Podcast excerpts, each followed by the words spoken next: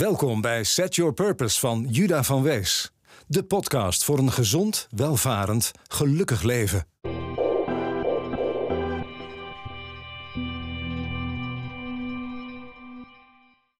Welkom bij podcast nummer 24 van Set Your Purpose. Vandaag een onderwerp wat mij dicht aan het hart ligt eh, en wat ik echt onwijs zat ben ook uh, in het dagelijks bedrijfsleven. En dat is complexiteitsgeilheid. We vinden het onwijs leuk om dingen complex te maken en een soort van cloak of complexity over hele simpele dingen heen te hangen. En daarom in deze podcast zeven dingen die wij complex maken en vijf voordelen van hiermee zo snel mogelijk stoppen. Nou, we vinden het onwijs leuk om woorden te gebruiken die anderen niet kennen zodat zij zich ongemakkelijk voelen of ongemakkelijk moeten doen alsof ze het wel kennen of moeten vragen wat het betekent. En voor de mensen die in het bedrijfsleven zitten, zijn vaak ook veel processen die niet transparant zijn. En er zijn altijd van die mensen die er een beetje een belang bij hebben om het zo te houden. Nou, waarom is dit zo? En wat voegt het toe of breekt het af? Daarover gaat deze podcast. En om te beginnen laten we het eens hebben over ontwikkelen. In de puurste zin van het woord. Ontwikkelen betekent ook het ontwikkelen van ingewikkelde dingen. En daar zijn wij niet zo goed in. Kennis is macht. En een bedrijfskritisch proces kennen en niet delen verhoogt je waarde voor het bedrijf waar je werkt. Een grote klant als goede relatie hebben en niet delen met je collega's geeft jou een bedrijfskritische positie. Dus er zit een bepaalde logica ook wel achter natuurlijk. Van dingen complex houden of in ieder geval ontransparant soms. Wat zijn nou zeven dingen die wij graag complex maken? Dit is trouwens niet op basis van onderzoek, maar puur allemaal eigen ervaring. In de afgelopen vier jaar in ieder geval dat ik uh, mijn professionele carrière aan het opbouwen ben. Nummer 1. Meetings inplannen. Om iets één op één met elkaar te bespreken, moet er een meeting of belletje ingepland worden. En naar elkaar toelopen of terloops bespreken is niet meer van deze tijd. Het is gewoon niet meer gangbaar. Het kan ook niet. Als je naar iemand toeloopt en je hebt iets wat niet als zo simpel is als wil je koffie, dan zegt iemand: plan maar wat in. Schiet maar een Outlook verzoek in. Stuur maar een mailtje. Dus meetings inplannen maakt het vaak vrij complex en vooral onnodig complex. 2. Verantwoordelijkheid en actie. Bij de wat moeilijkere onderwerpen ontwijken we de discussie over wie er verantwoordelijk is, zodat we deze last niet hoeven te dragen. Liever blijven we een beetje hangen in de fase waarin iedereen zijn mening geeft, dan dat we de fase ingaan waar iemand iets moet gaan doen. Verantwoordelijkheid nemen is ook iets wat steeds minder gedaan wordt. En actie is ook iets wat steeds minder gebeurt. We hebben het eerder over strategie en plannen dan over wie gaat wat doen. Alleen actie leidt namelijk tot resultaat. Dus we moeten wel iets gaan doen. Het definiëren van een strategie of van een plan gaat er niet voor zorgen dat jij die miljoen omzet doet. Of die 10% groei in 2019. Nummer drie van de dingen die wij graag complex maken. Druk zijn. Druk zijn is tegenwoordig de norm. Het is natuurlijk voor creativiteit of echte productiviteit uh, in complexe omgevingen niet goed om altijd druk te zijn. Sterker nog, het is goed om niet altijd druk te zijn. Dus kunnen we dit paradigma loslaten en misschien ook gelijk wat van de andere uh, ongeschreven verwachtingen die ons belemmeren loslaten. Het is niet nodig om altijd maar te zeggen druk, druk, druk, druk, druk, druk, druk. Een beetje vrijheid in je hoofd zorgt voor meer creativiteit en in het eind, aan het eind ook voor meer productiviteit. Hoe contra, uh, hoe niet logisch het ook klinkt. Sorry, ik wou bijna een complex woord gaan gebruiken, wat natuurlijk ook niet de bedoeling moet zijn nu. Nummer 4. Kennis. Als wij dus iets weten dat onze collega's niet weten, houden we dat als het uitkomt voor ons. Want kennis, nogmaals, is macht. En ook kunnen we het bijvoorbeeld delen met alleen onze, tussen uh, aanhalingstekens, in-group collega's. Hè? Zo creëren we aan de ene kant een sterkere band met een subgroep en positioneren we ons bijvoorbeeld beter ten opzichte van een andere kennis misbruiken dus eigenlijk. Of gebruiken als je hier voorstander van bent. Nummer 5. Principes en waarden. Eigenlijk kan werk en het leven vrij simpel zijn als je duidelijke principes en waarden hebt. Deze laten we echter los bij de kleinste reden om dat te doen. Een voorbeeld uh, dat je tegenwoordig vaak in de praktijk ziet.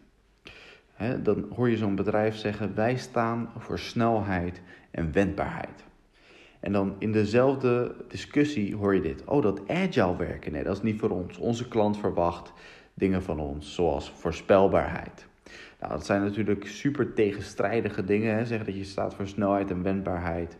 En aan de andere kant heel uh, projectplanmatig werken. En uh, helemaal niet iteratief met korte iteraties, maar eerder alles is gepland en moet binnen bepaalde kaders blijven. Oftewel, we schreeuwen wel dat we bepaalde principes en waarden hebben. Maar aan de andere kant, mm, ho maar. Nummer 6 van de dingen die we complex maken. Taal. Nou, dit weten jullie. De vorige podcast ging over taal, retoriek. Uh, op de bedrijfsvloer wordt er onwijs veel geslingerd met jargon. Je zal vast wel eens gehoord hebben van bullshit bingo. Dat is eigenlijk wat je zou moeten doen als je een meeting zet en mensen zeggen dingen als doorpakken en zo. En weet je, dit soort taal voegt weinig waarde toe aan de daadwerkelijke discussies die we moeten hebben. Het verhult dat we eigenlijk niet snappen waarmee we bezig zijn. Wie heeft überhaupt ooit gesnapt wat er bedoeld werd wanneer iemand zei dat we lekker moesten doorpakken? Moeten we blijven doen wat we deden? Moeten we ineens razend enthousiast aan de slag gaan? En hoe vaak is eigenlijk een geparkeerd onderwerp daarna nog opgepakt? Denk daar even over na. Inderdaad, nooit. En de laatste, in ieder geval mijn beeld van dingen die wij eh, complex maken. Ik noemde hem al even in de intro. Processen. Een bedrijfskritisch proces kennen en niet delen verhoogt soms je waarde voor het bedrijf waar je werkt. En zoals ik zei, een grote klant als relatie hebben en dat bijvoorbeeld niet delen met je collega's, kan je dus een hele belangrijke positie geven. En in mijn bescheiden ervaring in het bedrijfsleven heb ik weinig processen gezien die moeilijk te snappen zijn eigenlijk. En toch komen we het niet sporadisch tegen dat het wel zo wordt gepresenteerd. Uh, nou, jullie weten, ik ben ook geïnteresseerd in uh, filosofen en uh, de Griekse oudheid. Dus bij deze een quote van Confucius. Life is really simple, but we insist on making it complicated. Interessant dat het komt van iemand wiens naam lijkt op het woord confusing, Confucius. Life is really simple, but we insist on making it complicated. Daar ben ik het in ieder geval dubbel en dwars mee eens. Ik ben ook een grote fan van mensen die dingen zo gezegd plat slaan. Waar gaat het nou echt om? Wat moet er nou echt gebeuren? Hoe zou bedrijfsleven eruit zien als we alles zo simpel zouden houden als het eigenlijk is? Nou, voor deze podcast heb ik ook vijf dingen die anders zouden zijn als we niet zoveel zouden compliceren. Nummer 1. Jargon verlaat de meeting rooms en dat houdt in effectieve meetings, echte discussies, geen onzin meer. Nummer 2. Meer vrijheid van verwachtingen. Door het paradigma dat iedereen druk moet zijn en moeilijk werk moet verrichten, ontstaan enorme verwachtingen die niets bijdragen aan de productiviteit. En hierdoor besteden we te veel tijd aan het bewerken van de perceptie van onze collega's, in plaats van bezig zijn met echte dingen. Zodra we vrij zijn van deze destructieve verwachtingen, kunnen we onze tijd steken in het creëren van echte waarde. Klinkt mooi, toch? Nummer 3. Meer tijd. Complexiteit kost simpelweg tijd. Ik erken hier dat het simplificeren van complexiteiten ook tijd kost. Maar daarna kunnen daar permanent de vruchten van geplukt worden. Hak je een bos omver met een botte bel of slijp je eerst de bel voordat je aan de slag gaat? Ik zou kiezen voor de geslepen bel. Nummer 4. Minder meetings. Complexiteit zorgt ervoor dat je altijd wel iets te bespreken hebt. Complexiteit weg betekent een hoop meetings minder en tijd om andere complexiteiten te versimpelen, waardoor je weer meer tijd overhoudt. Meer creativiteit is de laatste, want minder werk om complexe processen in leven te houden is meer tijd om nergens aan te denken, even je hoofd vrij te maken. En dat is wanneer onze hersenen het beste werken. Dan worden alle losse gedachten met elkaar in verband gebracht en ontstaan unieke ideeën. En de vraag is dan natuurlijk, maar hoe simplificeren wij dan werk en bevrijden we onszelf van de complexiteitsgeilheid? Nou, voor de processen kan bijvoorbeeld gekeken worden naar lean methodologieën. Ik zelf heb ooit in uh, mijn eerste baan na mijn studie uh, een lean cursus gedaan, de lean green belt, waarin je bepaalde, bepaalde dingen leert om bijvoorbeeld een magazijn schoon te houden of concepten zoals pokayoke, hè, dingen zo ontwerpen dat dingen nooit fout kunnen gaan. Een mooi voorbeeld daarvan is bijvoorbeeld hoe de Nespresso cups in de machine passen. Dat kan je niet fout doen. Nou, om processen lean in te richten, dat zorgt er dus voor dat er minder bullshit is, minder fouten gemaakt kunnen worden. Dat is een voorbeeld. Ook andere agile frameworks zoals Kanban kunnen helpen om processen, inzichtelijk en no-nonsense te maken. De mindset veranderen, processen zijn extern van ons, die kunnen we veranderen. De mindset veranderen, dat is een stuk lastiger. Daar kan je denk ik vooral het best op individueel vlak mee aan de slag gaan. Denk aan methodes zoals we hebben het eerder over gehad, vooral in de, in de podcast over vision boards. Iets als autosuggestie kan helpen door middel van zelfaffirmatie. jezelf dingen laten geloven door het constant dagelijks aan jezelf te herhalen, te reciteren. Ook meditatie of simpelweg zelfreflectie kunnen helpen. Begin bij het nemen van verantwoordelijkheid voor je eigen gedachten en hier sturing aan te geven. Je onderbewustzijn, je onderbewustzijn neemt over zonder oordeel over goed of slecht en waar of niet waar, wat je bewustzijn het herhaaldelijk voedt. Samenvattend, jongens, laten we stoppen met dingen complex maken. Laten we stoppen met complexiteitsgeilheid. Laten we de wereld simpel maken, zodat we tijd hebben om bezig te zijn met dingen waar het echt om draait. En voor mij is dat mezelf de beste versie van mezelf maken. En daarmee ook Nederland een land maken met een vruchtbare bodem voor welvaart, gezondheid en geluksgevoel.